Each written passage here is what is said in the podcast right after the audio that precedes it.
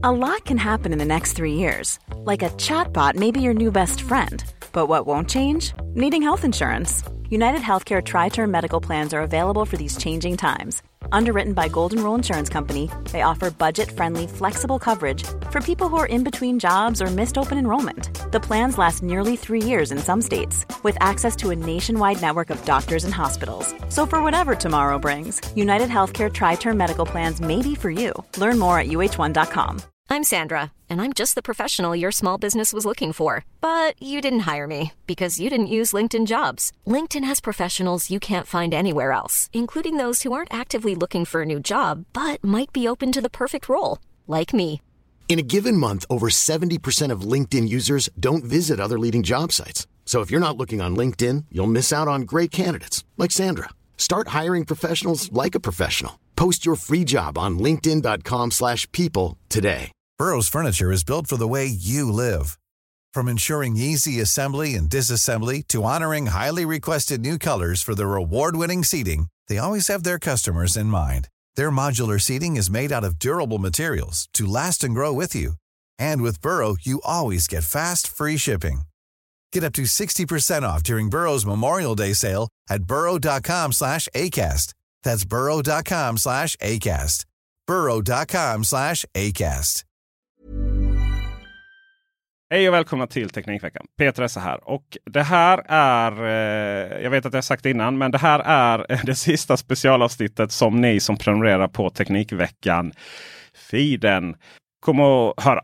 Eh, alla är hjärtligt välkomna att eh, gå in på era respektive podcastspelare, bibliotek och så vidare. Och eh, söka efter Teknikintervjun. Och vi länkar också eh, länken i beskrivningen.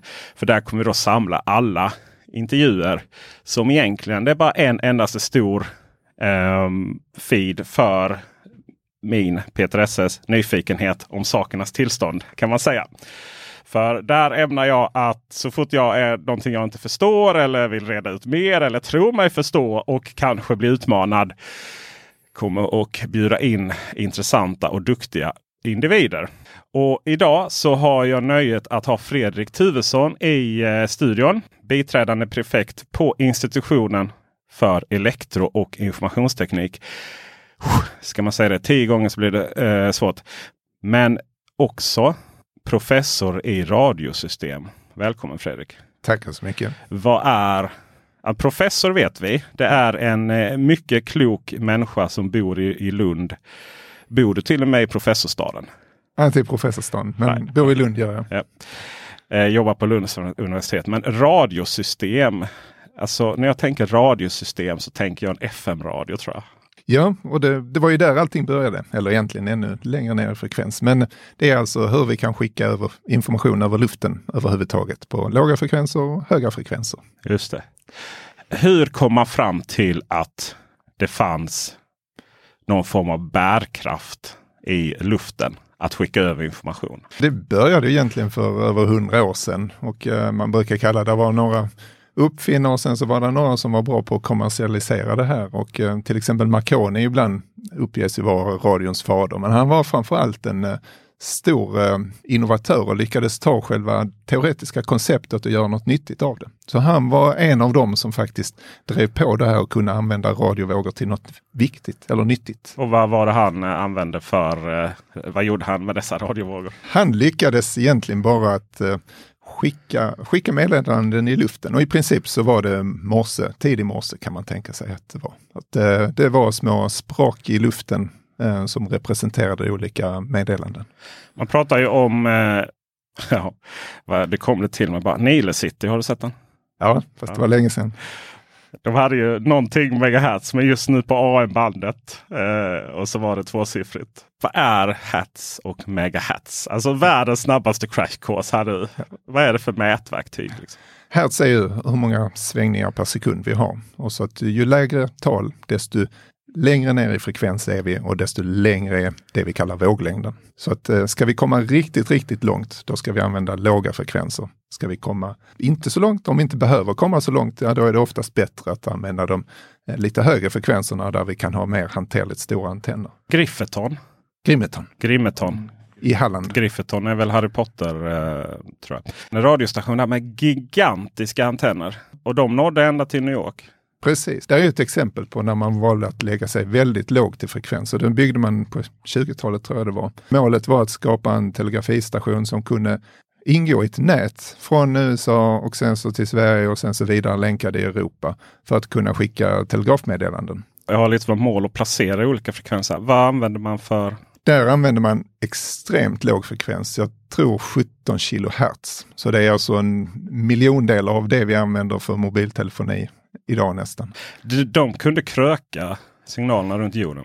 Ja, och lite grann så tar de faktiskt också hjälp av de olika lagren som vi har eh, ja, ovanför atmosfären så man kan studsa. Man kan tänka sig att man studsar signalen i de här olika lagren som vi har runt om jorden. Alltså bara så sitta och planera detta. Men låt oss studsa signalerna. Som jag förstått finns det dock ännu lägre frekvenser och då börjar man komma ner till liksom jordens egna jordens egen frekvens, ja. Och då, för även, alltså här om man tänker på det här 17 kHz systemet som, som man har i Grimeton, där har vi flera kilometers våglängd. Så att eh, till och med de stora antennerna som man ser längs motorvägen där, de är små i förhållande till våglängden. Men sen har man också, som jag förstått eh, jag fick en lektion av eh, den legendariska Thomas Ytterberg som kan allt om bild, eh, tv och sånt där. Eh, och då kom vi också in på frekvenser. Det tyckte jag var jättekonstigt. Är det korrekt uppfattat att liksom, när vi pratar 50 och 60 hertz och så vidare. Att det har att göra med elsystemens Ja, typiskt 50 och 60 hertz. då ligger vi på elsystemets svängningar. Så att eh, i, i, Sverige så har vi 50 hertz i vårt elsystem. Så vi har 50 svängningar fram och tillbaka varje sekund. Ja, just det. Och amerikanerna kör 60. Det är därför det är aldrig lätt att spela in Youtube i den här världen.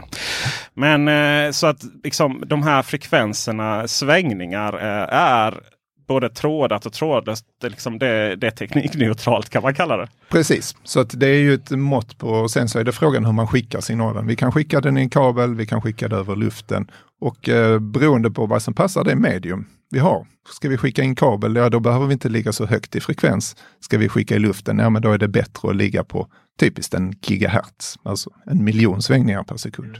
Och när man kommer upp på en gigahertz, det är då man börjar prata om mikrovågor va?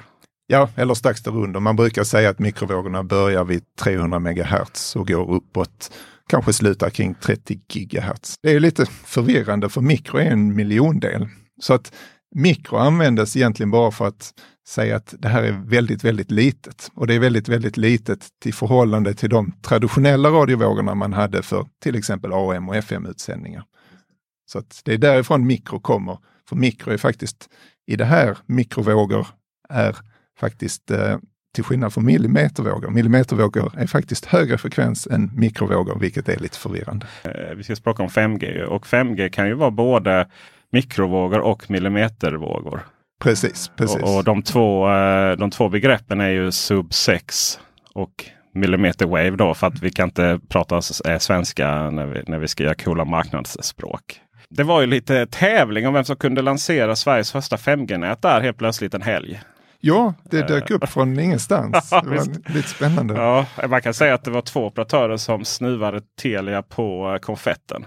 Telia har ju haft lite problem med, med fre eh, nya frekvenslanseringar ända sedan de berö berövades av 3G-licensen. Ja, det var precis. lite trauma va? Det var ett eh, internt trauma. Ja, så, det var det. Såg ni det komma? Nej, de hade nog räknat med att de skulle få den licensen. Och lite intressant var att det var nog egentligen så att de hade räknat rätt. Men sen så tyckte Post och telestyrelsen att uh, det är inte de modellerna vi ska använda, ni ska använda våra modeller. Uh, så där var ju lite skönhetstävling om vem som kunde sätta ut flest basstationer i Sverige. Just det, och uh, bland annat så var ju Orange som fick en, en licens och de lyckades ju aldrig få ut något nät. Nej, just det. Så, så det var ju lite tokigt. Ja, det var historia och eh, den här operatören då skickar ut att eh, idag är en stor dag och vi kan presentera Sveriges första 5G-master i Stockholm, Göteborg och Malmö. Jag är oerhört stolt över att vi öppnar portarna till det som kommer bli Sveriges första riktiga och mest omfattande 5G-nät. Det kommer vara ännu snabbare och säkrare än vårt testvinnande 4G-nät. Som möjliggjort att företag som Spotify, Netflix och Skype blivit en naturlig och fantastisk del av människors liv. Med 5G blir möjligheterna obegränsade. Alltså, obegränsad obegränsade är ett väldigt starkt ord. kärnfrågan här tror jag är lite. vad är det som är så eh, obegränsat och fantastiskt med 5G? Det här nätet lanseras ju på samma frekvenser som 4G. Nej men det stämmer ju att vi, vi ligger ju antingen på de frekvenserna eller bredvid frekvenserna för 4G. Och man kan säga att det, det är väl tre hörnstenar i 5G, varav den ena är ganska tråkig för oss som privatpersoner och det är eh, ökad kapacitet. Operatörerna behöver ökad kapacitet, men eh, du och jag kanske inte behöver ökad kapacitet i nätet. Det är ett operatörsproblem, men det är jätteviktigt. De har, har och kommer få problem med att hänga med det krav på, eh, på datatrafik som vi har. Vi förutsätter att det funkar och tittar man på datatrafikens utveckling så bara ökar och ökar och den fortsätter att öka. Och för att inte helt och hållet att det ska bli stopp så, så måste vi göra något nytt. Vi måste ha mer plats till våra mobilnät och det är framförallt det som är den stora frågan för mobiloperatörerna. Vi får mer plats, vi kan ha mer och dessutom så har vi gjort tekniken mer effektiv så vi kan få in fler användare på samma frekvensband gentemot tidigare system. Dessa frekvensband är då i dagsläget? Fokus i Sverige ligger på kring 3,5 GHz. Man, så man har frigjort 300 MHz som operatörerna nu kommer att ha en aktion på i höst. Och sen så har man faktiskt också uh, satt av 100 MHz som, uh, där man kan skapa privata små 5G-nät. Här har vi två, vi pratat 3,5 GHz ja. och nu pratar vi 300 MHz. Ja, och 300 MHz det är då den bandbredd vi har, det vill säga kring 3,5 GHz så har man avsatt 300 MHz som ska användas för 5G-tjänster. Är det som att man slår en, en tunnel rakt i luften och liksom säger att här får ni husera? Eller hur, hur fungerar det? Lite så är det, för att eh, eftersom vi är på radio så att alla som sänder, tar, sänder i det bandet kommer att störa varandra eller kommer att kunna känna av varandra. Så därför så får man på nationell nivå eller till och med europeisk nivå så har man sagt att i det här bandet så ska vi ha cellulär kommunikation, mobiltelefoni. Den här operatören har ju, då går man ut och pratar om att man har lagt 80 MHz unika frekvenser på C-bandet. Mm. Det är jättemycket buzzword, särskilt för att vara ett pressmeddelande. Vad är ett C-band? En C-band är egentligen en, en del av eh, 4G-bandet eller en del av bandet. Så att då har man sagt att så istället för att, eller till och med så tror jag det var så att man, eh, den här operatören, jag tror att man köpte upp en eh, operatör som hade ett frekvenstillstånd i de här banden och sen så använder man deras frekvensband. Då är det inte de här frekvenserna som ska auktioneras ut sen? För det vore ju Nej, eh, de som ska auktioneras ut nu, där, eh, där kan vi faktiskt alla söka testtillstånd i de här banden nu och använda dem fram till november. Sen i november när auktionen är slut så kommer de tilldelas till de som bjuder mest helt enkelt. Men varför är det så viktigt att komma ut nu? Med, då finns det en viss osäkerhet i vilka band man använder? Eller är det bara liksom att, att, att koppla upp eh, datorn mot basstationen och ändra frekvens? Eller när man väl de är satta? Liksom, hur funkar den infrastrukturen? I princip så är det så att eh, en basstation den är ganska flexibel på precis vilka frekvenser man använder. Sen så har den support för eh, det ena eller det andra eller en kombination av olika band. Så den klarar inte allting, men den är ganska flexibel inom ett litet område om du ska vara precis där eller om du ska ta grannbandet beroende på vilken operatör den här basstationen tillhör. Så vi pratar om 3,5 GHz ungefär sa du va? Ja, det är där huvuddelen ligger ja. av 5G. I mobilerna så har man en teknik som heter Sub 6 det markerat är allting under Allting under 6 GHz. Kommer vi få se liksom 5 och varför just de här 3,5? Varför inte 5,9 och allt sånt där? Ja. Det kommer eh, krypa uppåt där också. Eh, där, sen så ligger det andra tjänster så att vi kan inte använda alla frekvenser upp till 6 GHz utan eh, vi får fortfarande följa Post och telestyrelsens eh, restriktioner att det är här och här och här som mobilsystemen får ligga. Men successivt så öppnar man upp band så att nu är aktionen då 3,5 till 3,7 och sen så har man sagt att framöver om fem år så kanske vi kommer upp, öppna upp band kring 4 GHz. Och i USA så håller man nu på att frigöra ett band på ja, precis 6 GHz också. Men 6 GHz ska inte Wi-Fi 6E använda det också? Jo, det, så att där lägger man faktiskt både ett öppet mobilsystem tillsammans med Wi-Fi 6E. Och sen för vanlig, vanlig wifi inom citationstecken här, nu ser man inte i radiopodd. Uh, det är 2,4 GHz. det är det. Och även 5,0 GHz. Ja, eller fem, lite högre, snarare 5,3, Ja, man säger inte 5,6. 5,0, man säger bara 5. En sak som är intressant med de här eh, just wifi då för, för att ta ner det på en normal nivå så oss vanliga dödliga hemmavänner förstår. 2,4 GHz eh, wifi är ju lite långsammare än 5. Men det är ju ett fruktansvärt jobbigt att dra ett enbart 5 GHz nätverk hemma. För att det räcker ju med att den där stenväggen bara tänker och tittar på de där frekvenserna så är de borta. Och, och inte få tala om typ nybyggda hus med sina fönster. Det, de får inte ens mobiltäckning inomhus och så vidare. Eh, vad, är det så att ju högre frekvenser man har ju svårare är det att ta sig igenom materia? Generellt kan man säga, säga det, för att ju högre vi går i frekvens, desto kortare blir våglängden. Desto större i förhållande till våglängderna, desto större blir väggarna. Så att det, det ska, du ska gå igenom fler antal våglängder och det gör att du får en större dämpning rent generellt på de högre frekvenserna. Samtidigt är 5 eh, GHz eh, mycket snabbare än 2,4. Jag har ju levt under någon form av tro att detta är någon naturlag. Men här precis innan vi spelade in så krossade du hela den eh, tankebilden. Det har inte högre frekvenser något form med bandbredd att göra. Nej, inte i sig, utan bandbredd är egentligen vad vi bestämmer oss för att hur mycket ska vi sätta av för att använda för wifi eller hur mycket ska vi sätta av för att använda för mobilkommunikation. Eh, sen råkar det vara så att oftast är det lättare att hitta större luckor på de högre frekvenserna än vad, är, vad det är vid de lägre frekvenserna. Så till exempel för vid 2,4 GHz, där har vi 100 MHz som vi kan använda för eh, fri licensbefriad kommunikation. Medan på 5 GHz så har vi ett antal 100 MHz som vi kan använda. Men det är bara det att det, råkar finnas fler lediga luckor vid 5 GHz än vid 2 GHz. Men är det de kommittéer som har bestämt det då? Att, så hur mycket bandbredd man kan använda? Ja, precis. Och det samordnas. Eh, så var fjärde år så är där en, eh, en konferens där man eh, lägger fram Ja, spektrumplanen. det är en konferens.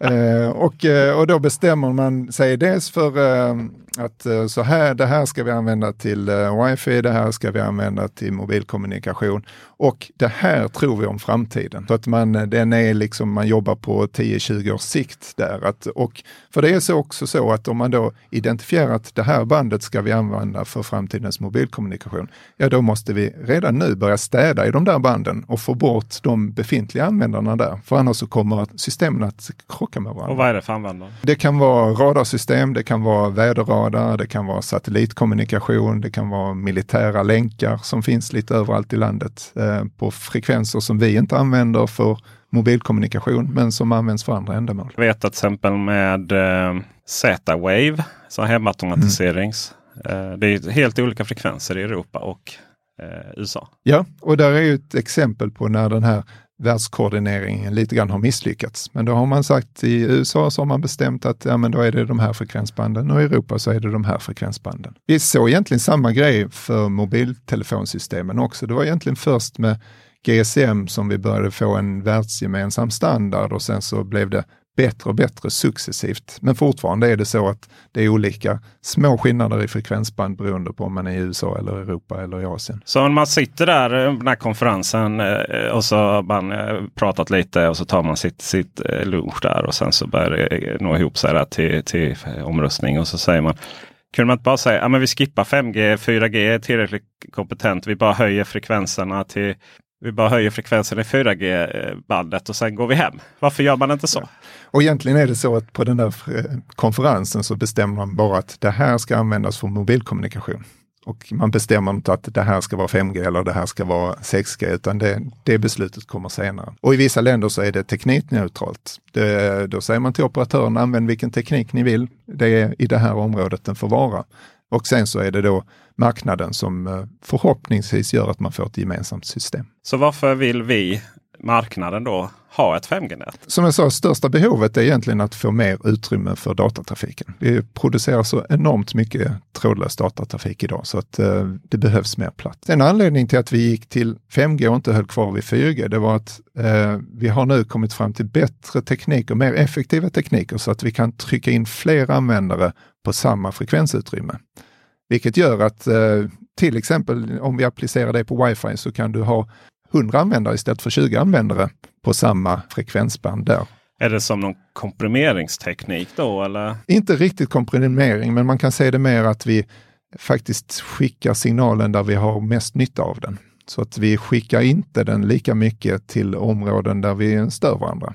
Så att eh, vi fokuserar signalen där vi har våra användare. Och det i sin tur behöver nya basstationer och nya mobilchip då eller? Eh, och, och, och, så är det det som i sin tur skapar det här med femte generationens mobilnät. Precis, för att eh, det är en, hårdvaran är inte kompatibel längre och sen så passar man på då att göra en, en genomgripande systemuppgradering. Och eh, när man också anpassar parametrarna efter det sätt vi använder mobilkommunikation idag. För det är inte samma sätt som vi gjorde för 20 år sedan. Man pratar om att det ska vara så fruktansvärt hö mycket högre frekvenser uppe på 26 till 30 GHz. Och det är då det här som är millimeterwaven. Varför har man delat upp 5G i sub 6 och millimeterwave? Anledningen det är helt enkelt att där vi kring 26-28 GHz. Det var det första sammanhängande frekvensområdet som man kunde hitta världen över där vi kunde hitta gemensamt ledigt utrymme. Vi har lite smått ledigt utrymme i Sverige och Europa mittemellan 6 och 28. Men, eh, men då fanns det inte tillgängligt i USA eller inte tillgängligt i Asien. Så det var egentligen först när man tittade på hela världskartan så såg man, ja men här kring 26-28 GHz, där kan vi faktiskt hitta ett frekvensband som är ledigt mer eller mindre i hela världen. Just världen och Sveriges placering. Eh, vi är, ju lite, är vi generellt sett lite sena på den första aktionen med sub 6-banden? Eller vad, vad ligger vi internationellt sett på?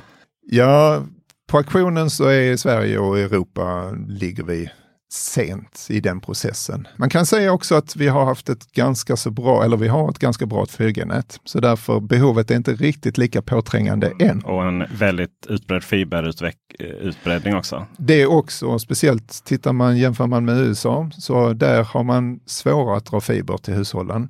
Så där har man Eh, prioriterat en 5G och eh, att istället köra det över radio. Istället för att gräva fiber så är det enklare att man sätter upp en basstation i villakvarteret och sen så kör du sista biten typiskt över millimetervågsradio. Så tittar man ute i eh, villaområdena så, så ser man millimetervågsmaster på ett helt annat sätt än vad vi ser dem. Ja, de finns generellt sett inte i Sverige idag. Utan det är bara specifika ställen vi har dem. Om vi är sen på sub 6 så är det ingenting jämfört med millimetervågen. Det pratas om 5-6 år. Ska man vara krass så just nu så ser man nog inget eh, jättebehov av millimetervågssystem i Sverige. För att vi har fortfarande tillräckligt mycket kapacitet i de lägre frekvenserna och där är det mycket lättare att, som du var inne på, få bra täckning i de lägre frekvenserna. Så därför så prioriterar man de områdena nu. Är det för att vi är så få i det här landet? eller? Ja, det är, för att det är egentligen det som är det stora problemet. Det är när du har extremt mycket människor på en liten yta. Det är då man behöver den här höga kapaciteten. Ännu mindre om jag kommer ut till eh, eh hem till mitt, eh, där jag växte upp. Eh, Blekinge, Ronneby. Eh, ironiskt nog är det faktiskt tre som har bästa mottagningen där. Man kan inte lita på Televerket där. För eh, min far då, alltså, och mor som bor kvar och jag som är besök en gång per år. Ger 5G. Ready to pop the question? The jewelers at BlueNile.com have got sparkle down to a science with beautiful lab-grown diamonds worthy of your most brilliant moments. Their lab grown diamonds are independently graded and guaranteed identical to natural diamonds, and they're ready to ship to your door. Go to Bluenile.com and use promo code LISTEN to get $50 off your purchase of $500 or more. That's code LISTEN at Bluenile.com for $50 off. Bluenile.com code LISTEN. Hey, I'm Ryan Reynolds. At Mint Mobile, we like to do the opposite of what Big Wireless does. They charge you a lot we charge you a little. So naturally, when they announced they'd be raising their prices due to inflation, we decided to deflate our prices due to not hating you. That's right. We're cutting the price of Mint Unlimited from $30 a month to just $15 a month. Give it a try at mintmobile.com slash switch. $45 upfront for three months plus taxes and fees. Promote for new customers for limited time. Unlimited more than 40 gigabytes per month. Slows. Full terms at mintmobile.com. Hiring for your small business? If you're not looking for professionals on LinkedIn, you're looking in the wrong place. That's like looking for your car keys in a fish tank. LinkedIn helps you hire professionals you can't find anywhere else, even those who aren't actively searching for a new job but might be open to the perfect role. In a given month, over 70% of LinkedIn users don't even visit other leading job sites. So start looking in the right place. With LinkedIn, you can hire professionals like a professional. Post your free job on linkedin.com slash people today. Everyone knows therapy is great for solving problems, but getting therapy has its own problems too, like finding the right therapist, fitting into their schedule, and of course, the cost. Well, BetterHelp can solve those problems. It's totally online and built around your schedule. It's surprisingly affordable too. Connect with a credentialed therapist by phone, video, or online chat, all from the comfort of your home. Visit betterhelp.com to learn more and save 10% on your first month. That's BetterHelp H E L P. Wow. Nice. Yeah. What you're hearing are the sounds of people everywhere putting on Bombas socks, underwear, and t-shirts made from absurdly soft materials that feel like plush clouds. Yeah, that plush. And the best part? For every item you purchase, Bombas donates another to someone facing homelessness. Bombas. Big comfort for everyone. Go to bombas.com slash ACAST and use code ACAST for 20% off your first purchase. That's bombas.com slash ACAST. Code ACAST. Det är någonting. Det viktiga steget där, i de områdena där man har dålig täckning, det tog man faktiskt för ett år sedan när man öppnade upp ännu lägre frekvenser, kring 700-800 megahertz. så, så, ja, förlåt. Alltså, vi, vi kommer alltid tillbaka till Ja, okay. ja, det ja. kommer alltid tillbaka för att ja, det är fysik. Fysiken ja. kommer vi inte ifrån. Nej. Och det, det, är fysiken som gör varför ser antennerna ut som de gör? Varför använder vi den här frekvensen när vi ska komma långt eller den här frekvensen när vi ska få hög kapacitet? Allting bygger på fysiken. Så i det fallet med eh, hur får vi täckning på landsbygden? Ja, det är problemet. Det adresserar man specifikt där när man öppnar upp frekvenser kring 800 MHz. Och då satte man av att det här får ni använda till 4G eller 5G. Det är upp till operatörerna. Och på det sättet så möjlig, möjliggjorde man faktiskt att få ganska bra mobiltäckning på stora ytor. Men det funkar inte mitt inne i Stockholm där det har väldigt, väldigt många människor på en och samma plats. För då så går vi i kapacitetstaket. Men det funkar jättebra ute på landsbygden där vi inte har så många människor att serva samtidigt, men ändå kan få täckning överallt. Har han tur så säger operatören där ute att eh, ja, men nu kommer vi förbättra mottagning här. No charge för det. Liksom. Vi, vi aktiverar fler 4G-sändare på lägre frekvenser. Eller så säger de uppgradera till 5G så får du bättre täckning. Är det så det kommer att gå till? Liksom? Det återstår att se. Det är upp till, uh, men det är upp till, det är upp till liksom, så att säga, tekniskt val hos operatören kan man säga. Precis, precis. och egentligen affärsmässigt val hos operatören. Ja, de, har möjlighet, de har möjlighet att göra, gå ena eller andra vägen. Och min gissning är att det blir en kombo av de båda. Ja. Men eh, sen pratar man ju väldigt mycket om Internet of Things. Eller man pratar mycket om Internet of Things. Nu pratar man mer om sensorer då. Små enheter som, eh, ja det är ingenting man sätter i simkort i och de, de tar väldigt lite eh, ström. Men oh, då, då har jag gjort min research också känner jag. Och allt jag kommer fram till är att all det här behovet för de här enheterna finns i 4G. Också med olika sådana tekniker för just eh, låg strömförbrukning. Så vad, vad, kommer 5G in i den biten? Det är faktiskt, du har en poäng där för att eh, än så länge för dig och mig som privatperson rent tekniskt så, eh, så kan vi fixa Internet of Things-grejerna via 4G eller via eh, licensfria system som också finns. Typ Zigbee och, Zigbee och LoRa. Men eh, om vi tänker oss vad man, på den här Internet of Things-biten, återigen så, så handlar det om att hur kan vi ta hand om extremt många sådana här prylar samtidigt? Och det är lite grann den biten som 5G är väldigt bra på, att vi, vi har möjliggjort ett system där det inte behöver ske så extremt mycket bakgrundstrafik trafik som vi egentligen inte har någon nytta av, men som håller eh, enheterna vid liv. Och med 5G så kan vi skala upp det hela på ett annat sätt som vi inte kunde med 4G. Så att vi har möjliggjort en eh, bredare IoT-utbyggnad. Man pratar om latency, eller är det det, du, är det, det det här handlar om? Latency, där kommer vi till den springande punkten skulle jag vilja säga för 5G. Vad kan vi göra med 5G som vi inte kan göra med 4G eller andra system? Och då är det just eh, latency eller fördröjning. Eh, och specifikt fördröjning tillsammans med pålitlig kommunikation. Jag vet alla som spelar World of Warcraft och andra, eh, andra eh, spel eh, där det gäller att kommunicera snabbt vad latency gör för upplevelsen. Precis, och det är egentligen där som, som vi faktiskt kan märka en skillnad. Att eh, där, om du tar ett 5G-system optimerat för korta fördröjningar, korta och stabila fördröjningar, eh, så märks det faktiskt i, i de scenarierna.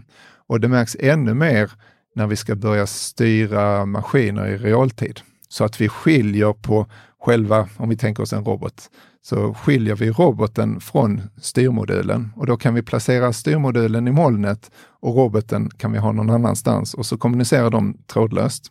På det sättet så kan vi synka ihop flera robotar så att de går, eh, går i takt med varandra och ha en gemensam styrmodul. Och sen så tack vare den korta fördröjningen som vi får på 5G så kan vi, kan vi lösa det här rent tekniskt. Så eh, det finns någonting obegränsat i 5G-tekniken men det handlar inte om bandbredden framförallt? Då? Alltså bandbredden är jätteviktig för operatörerna, det ska vi inte glömma. Eh, men som privatperson så är det kanske inte den. Högre datahastighet, ja det kan märkas om man spelar spel, men sen så är det framförallt eh, latency som öppnar upp för att göra nya saker som vi inte kan göra i dagens mobilsystem. Jag kan se framför mig alla, alla gamers som eh, skriker på sina föräldrar att eh, nu är det dags att skaffa 5G. Och ironiskt då nog så är det ju ofta spel som driver utvecklingen framåt. Lite roligare är att i Sydkorea så har man sett precis det. Eh, Sydkorea är en av föregångarna i världen skulle jag vilja säga på 5G-nät och där har man sett att eh, eh nätbaserade spel eller molnbaserade spel över 5G är faktiskt teknikdrivande och folk investerar i 5G teknik för att kunna spela eh, molnbaserade spel. 5G har ju gjort redan nu att oavsett om det behövs eller inte, att flaggskeppsmobilerna, även från de här kinesiska uppstickarna som var halva priset innan, de ligger på runt 10 000. Är det sanden i de chippen eller är det utvecklingen som man betalar för? Eller? Vad, är det liksom, vad är det som är så dyrt med de här? Eh, det är ju framförallt eh, Qualcomms huvudprocessor som liksom Precis, den, den och andra, annat driver på kostnaden. Men, och sen ska vi inte glömma, menar, det är ju mer och mer att vi har en eh, fullödig dator i fickan nästan. Vi ska inte glömma att eh, det är faktiskt inte bara en eh, dum GSM-telefon vi har idag, utan det är, det är fantastiska processorer och chip som vi har där. Tror du vi kommer få se en framtid redan med 5G där eh, operativsystemen i telefonerna ligger i molnet? Att eh, bild, bildprocesshanteringen ligger i moln och sånt? Jag tror att man kommer fortsätta göra lokal processning, men sen så kommer man skicka den processade datan mer och mer till molnet. Men jag tror en där du gör en delprocessning, eh, skalar ner det eh, lite grann ute i din telefon och sen så skickar du en eh, processad data till molnet. Och då kommer ju eh, en till kärnfråga som ett litet eh, digitalt brev upp i molnet. Säkerhet. 5G har ju fått symbolisera problematiken med eh, kinesiska, eller framförallt en kinesisk eh, tillverkare av infrastruktur. Huawei kan överösas med kritik med den brasklappen om att om det finns en bakdörr.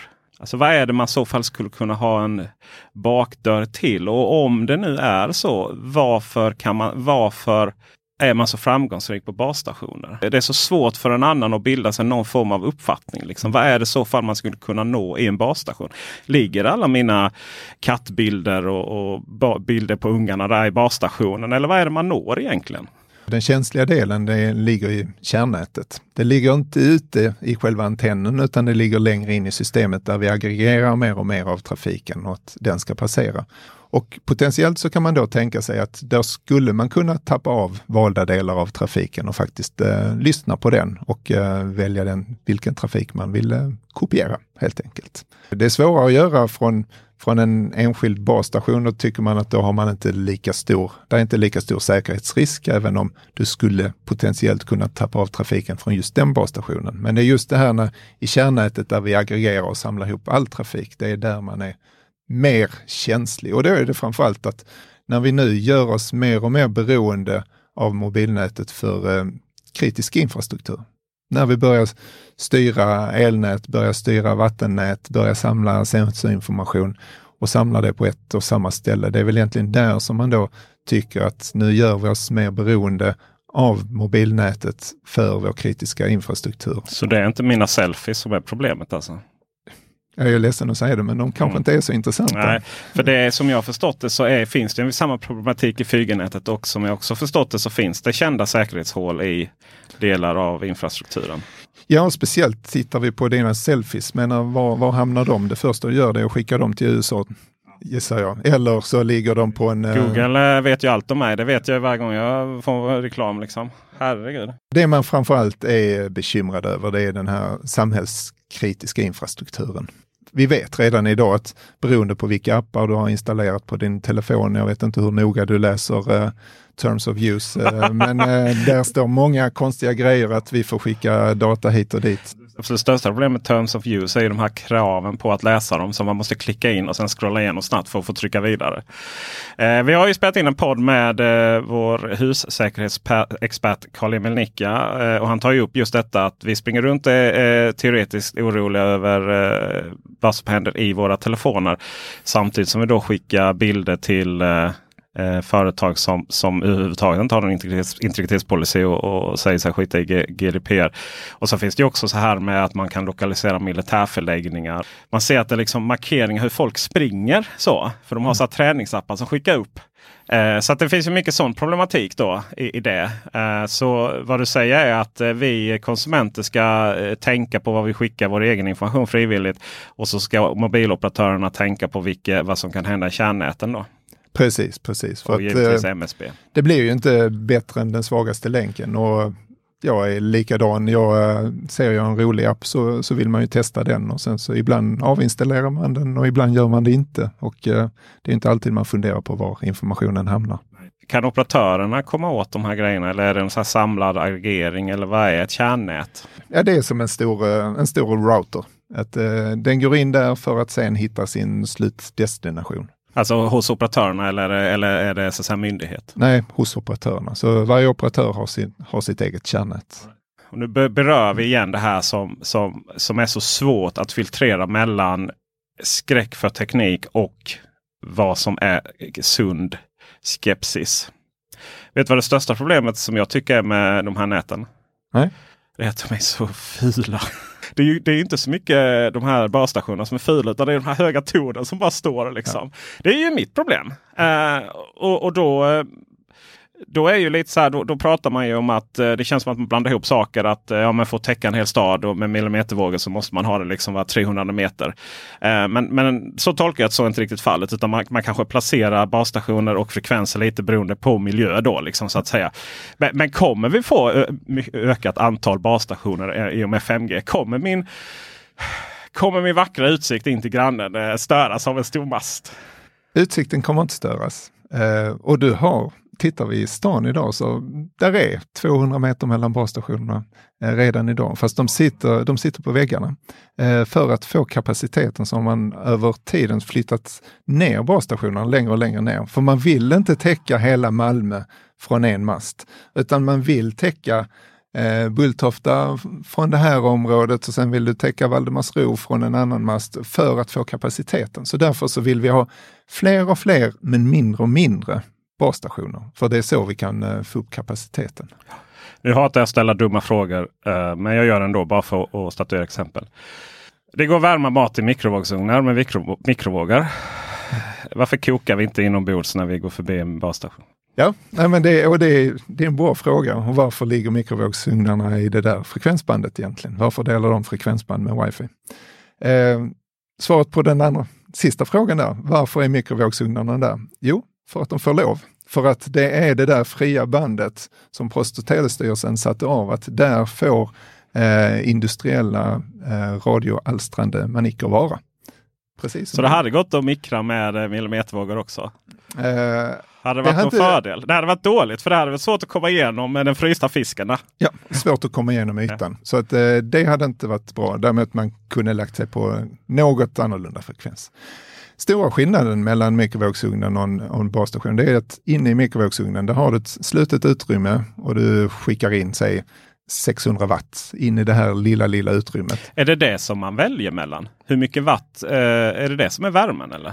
Ja, precis. Eh, fast, eh, fast oftast så är den så att den går på av, på av. Fast med maxeffekt. Men det är ju hur länge den är på och hur länge den är av. Och sen så skickar du in det här i det här lilla utrymmet och det är radiotätt. Så inne i, inne i mikrovågsugnen så kommer det inte ut några radiovågor. Så att det enda stället som radiovågorna kan ta vägen, de studsar runt där inne och eh, då kan de bara absorberas i eh, ditt vattenglas eller vad det nu är du försöker värma.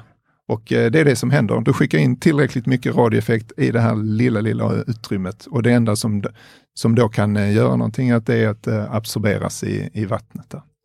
Och eh, en annan dum fråga då. Varför blir inte vattnet självlysande? Självlysande, ja. Metaforisk.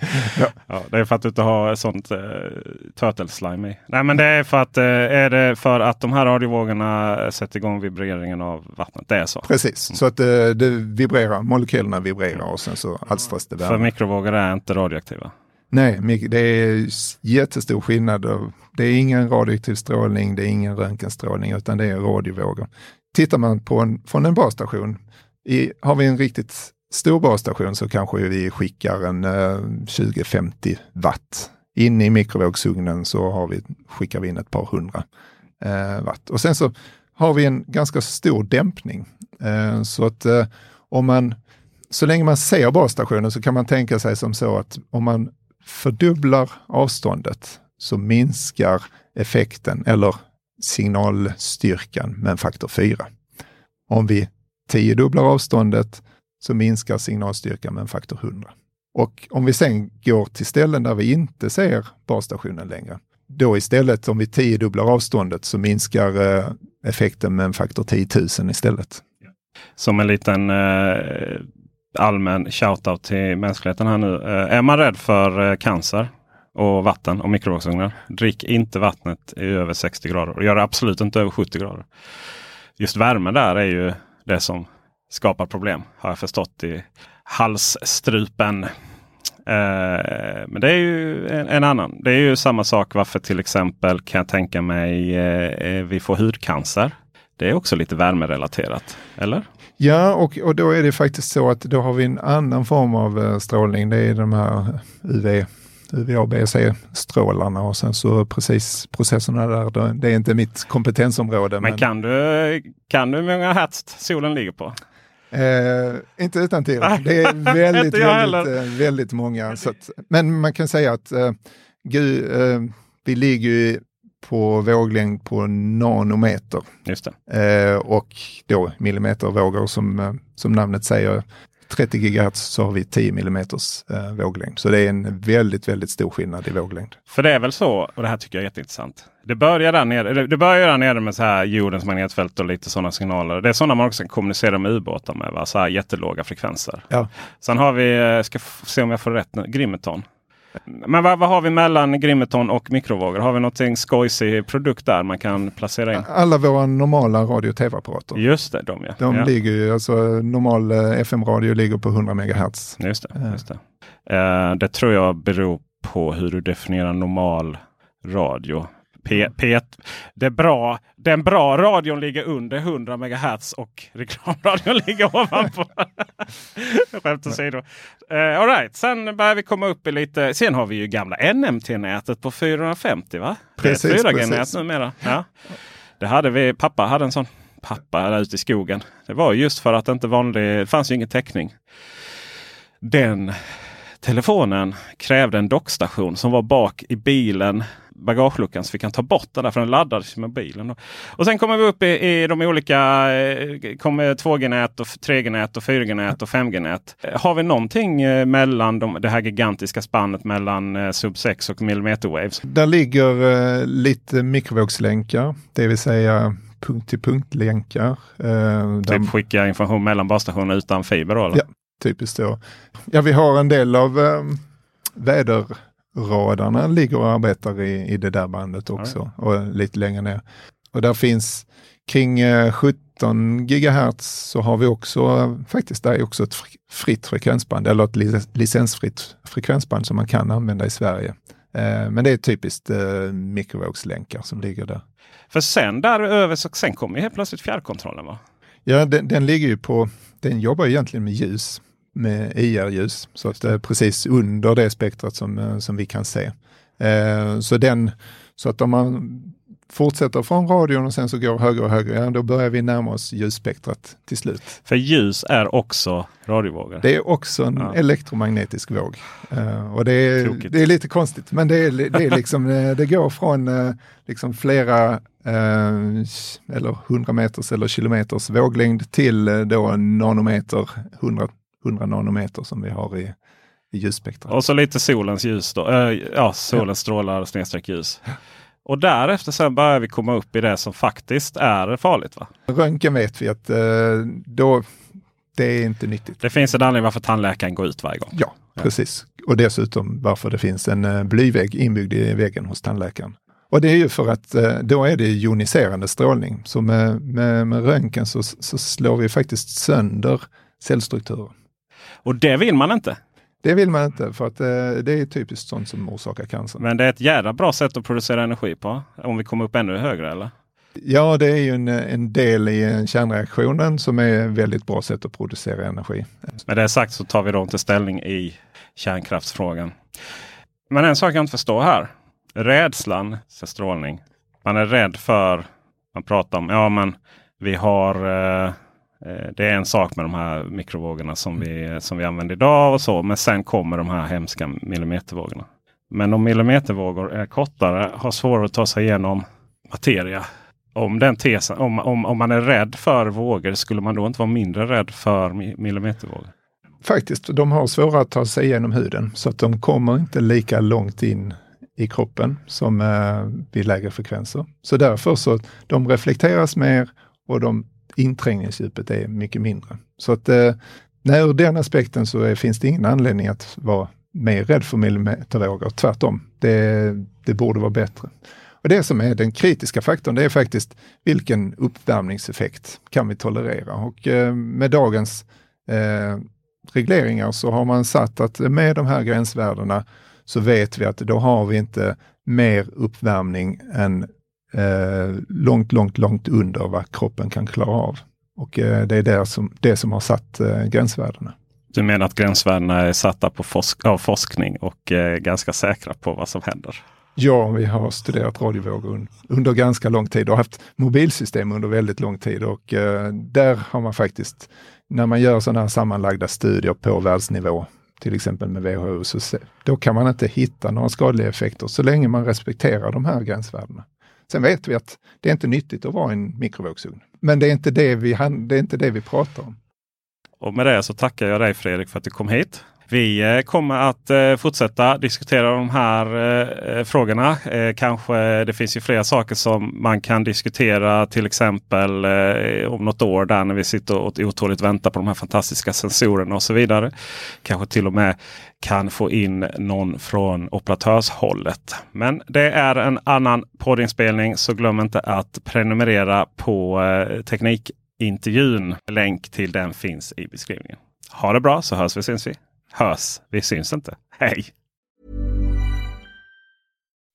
When you make decisions for your company, you look for the no-brainers. If you have a lot of mailing to do, stamps.com is the ultimate no-brainer. Use the stamps.com mobile app to mail everything you need to keep your business running with up to 89% off USPS and UPS. Make the same no-brainer decision as over 1 million other businesses with stamps.com. Use code PROGRAM for a special offer. That's stamps.com code PROGRAM.